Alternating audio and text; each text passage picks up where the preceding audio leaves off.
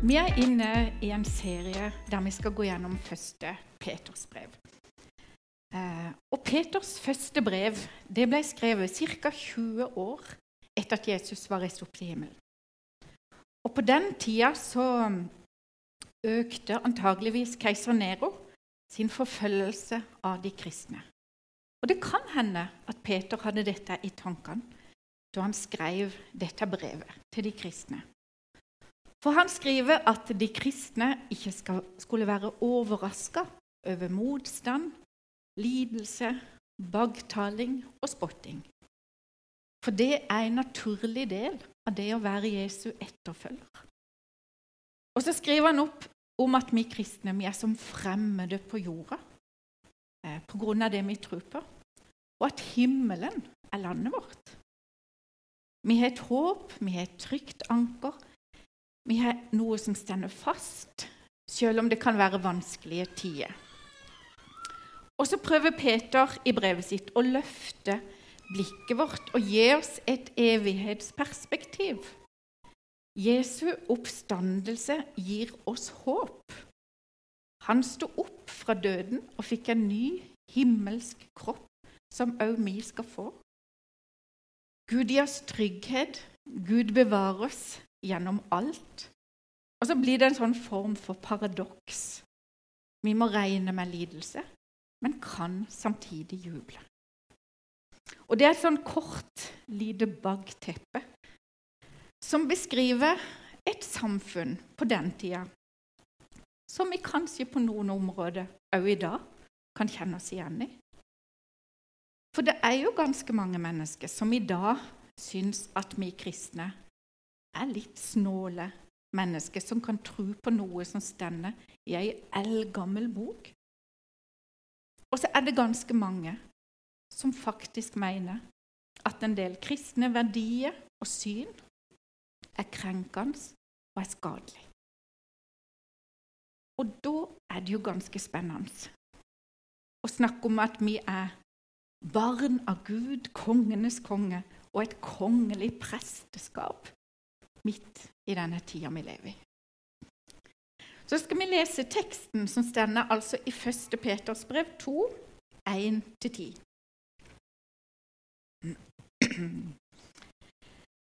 Legg derfor bort all ondskap, falskhet og hykleri, misunnelse og sladder, og lengt som nyfødte barn etter ordets rene melk, så dere ved den kan vokse til frelse. For dere har smakt at Herren er god. Kom til Han, den levende steinen som blir vraket av mennesker, men er utvalgt og dyrebar for Gud, og bli selv levende steiner som bygges opp til et åndelig hus. Bli et hellig presteskap og bær fram åndelige offer som Gud tar imot med glede ved Jesus Kristus. For det heter i Skriften:" Se, på Sion legger jeg en hjørnestein, utvalgt og dyrebar. Den som tror på Han, skal ikke bli til skamme. Altså blir den til ære for dere som tror, men for dem som ikke tror, er steinen som bygningsmennene vraket, blitt hjørnestein, en snublestein og en klippe til fall. Fordi de ikke er lydige mot ordet, snubler de. Det var de også bestemt til.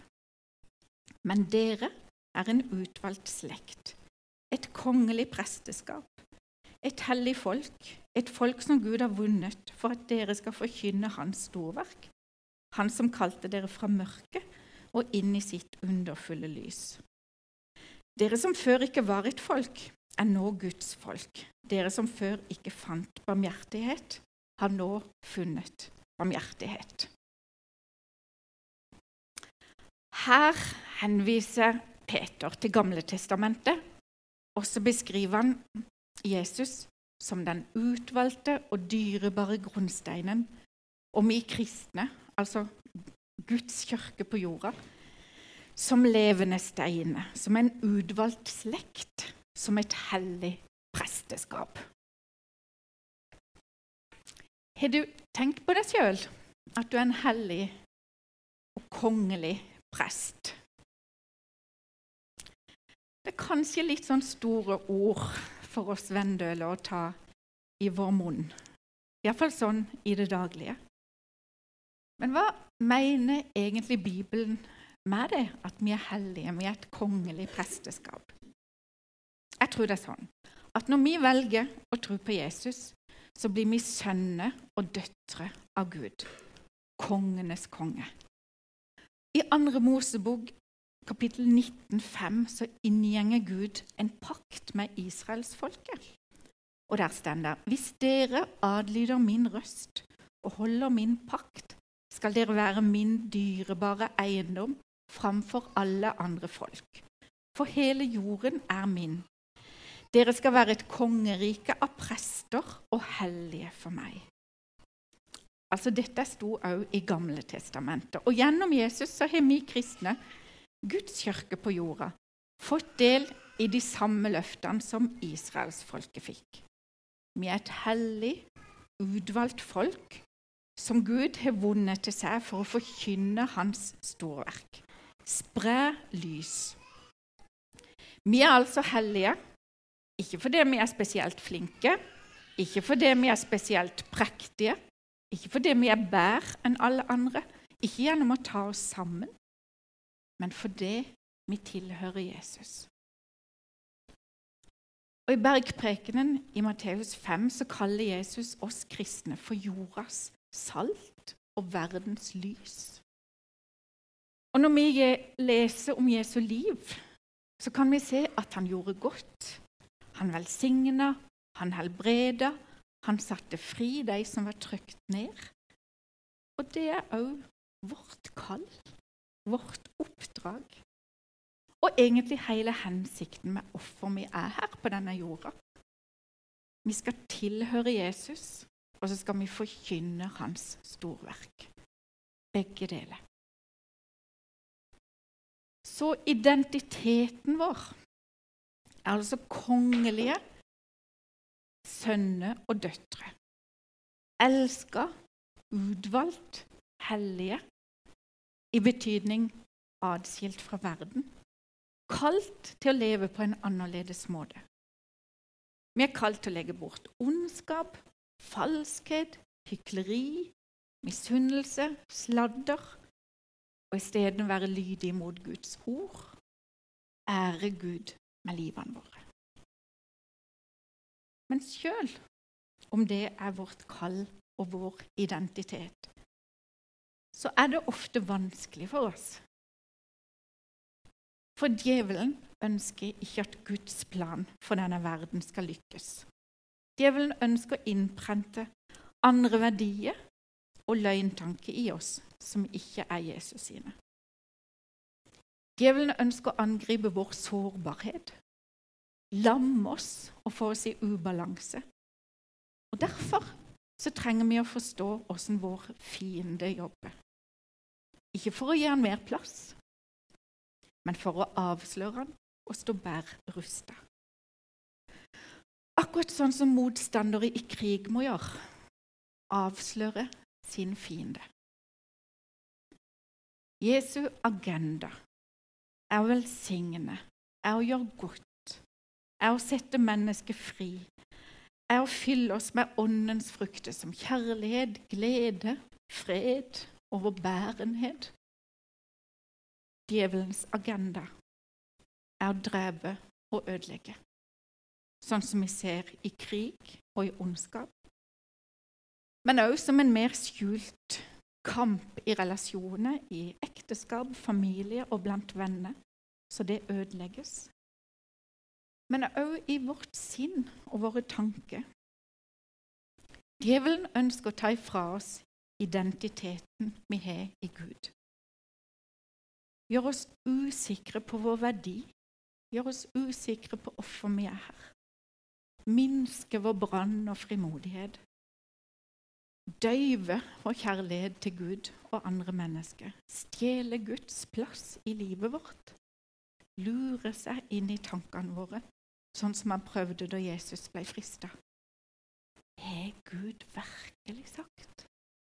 Har Gud virkelig sagt? Er det virkelig sant? Djevelen vil krympe oss, gjøre oss mindre enn vi er, sånn at vi ikke tar den plassen på jorda som er vår. Vi blir en mindre versjon av oss sjøl. Og når djevelen ødelegger vår identitet som utvalgte sønner og døtre av kongen, så får det òg konsekvenser på hva som preger tankene og handlingene våre. Sikkert noen av dere som husker historien fra 4. Mosebok 13 og 14 om Moses som sendte tolv speidere inn i det lovede land, inn i Kanans land, for å utforske det. Alle de tolv eh, visste at Gud hadde lova de landet. Men kun to av speiderne, Caleb og Josfa, huska hvem de var, og de mista ikke synet på oppdraget. De kom hjem og sa det er et fantastisk land som flyter av melk og honning. Ikke vær redde for folket der, for Gud er med oss. Men ti av speiderne glemte hvem de var, og de glemte Guds lofte. De kom tilbake og avga sin rapport, og den hørtes ganske annerledes ut. De er mye sterkere enn oss. Vi er som gresshopper i forhold.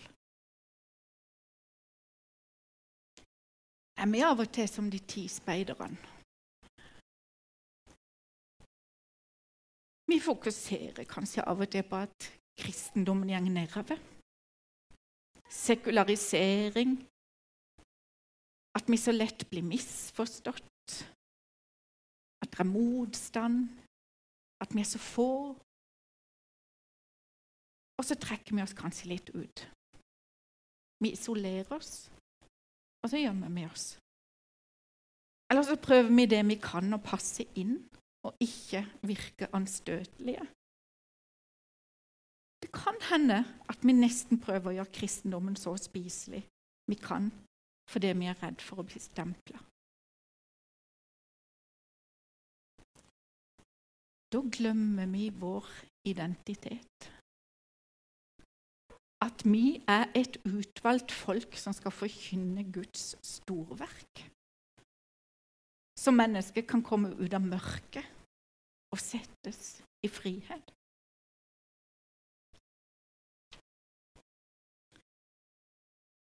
I Gamle testamentet så var prestens rolle å formidle fra Gud, være mellommann mellom menneske og Gud.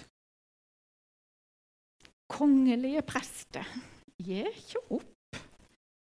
Vi kan være mellom menn og mellom kvinner, mellom Gud og folket vårt. Vi kan lede til Jesus. Vi kan bringe håp. Vi kan velsigne. Vi kan gjøre godt. Og så kjemper vi ikke mot mennesker, men mot tankebygninger og åndskrefter. Og så kjemper Jesus for oss. Han setter fri gjennom å elske mennesket. Så åssen skal vi være kongelig presteskap i 2023? Når Jesus sender disiplene sine ut, så bruker han i Matteus 10, 16 bildet av fire dyr for å forklare hvem de er, identitet altså, og åssen de skal tenke og jobbe, strategi. Og der står det Jeg sender dere ut som sauer blant ulver. Vær kloke som slanger og troskyldige som duer. Som sauer blant ulver. Det kan kanskje beskrive oss kristne i verden. Og Det er flere bilder både i Gamle testamentet og Nytestamentet om Jesus som hyrde og gjeter, og oss som saueflokken hans. Og Det beskriver både eierskap og identitet. Vi tilhører Gud, vi er hans folk, vi er hans sønner og døtre, og som sauer er vi avhengige av Guds beskyttelse og omsorg. Også ulven beskriver vår fiende.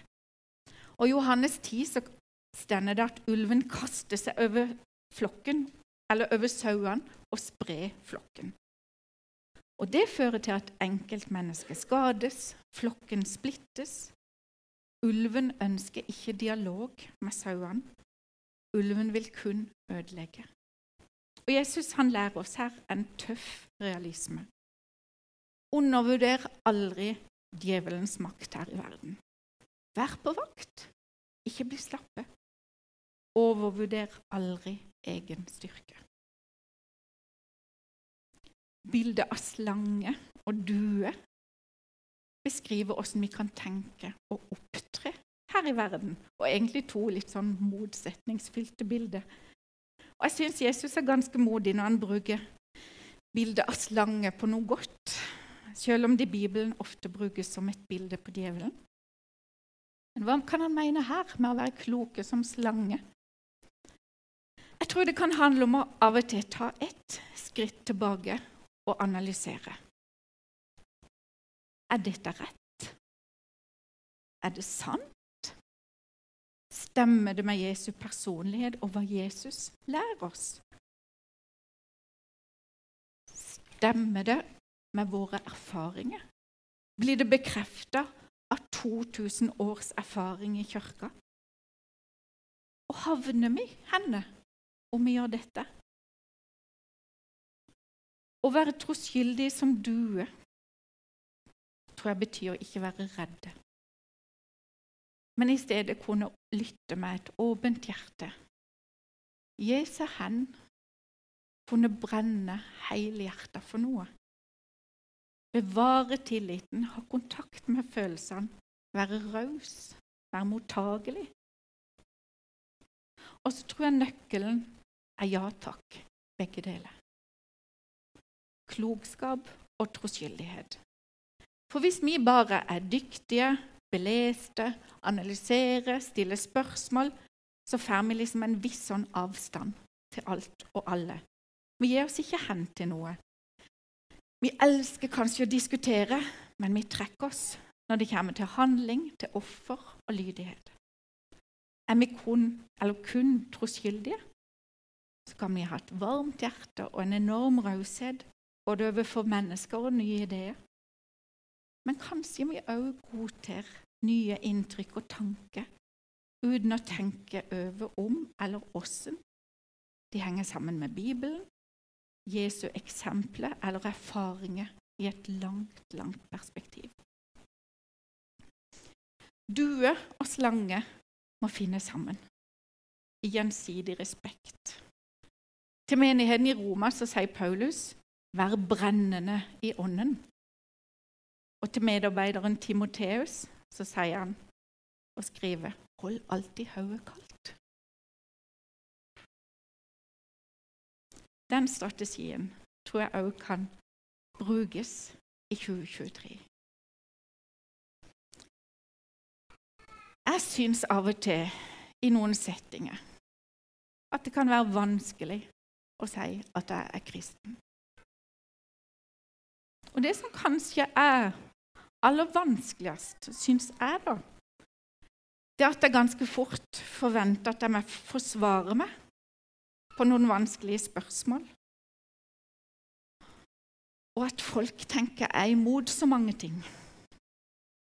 Og så ser jeg mange ganger at avstanden mellom det jeg tror på, og hvilke verdier vi som kristne har, er så totalt annerledes enn samfunnet og det som er rundt oss.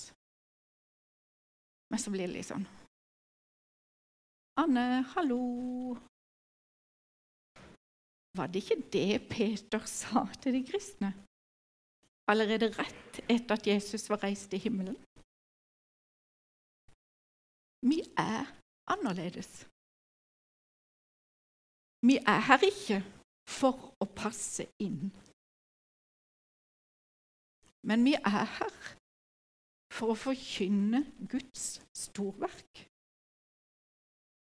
For å fortelle en helt annen historie enn mye av det vi ser rundt oss. Av kaos, av krig, av ødeleggelse mellom land, mellom folk og i våre indre liv.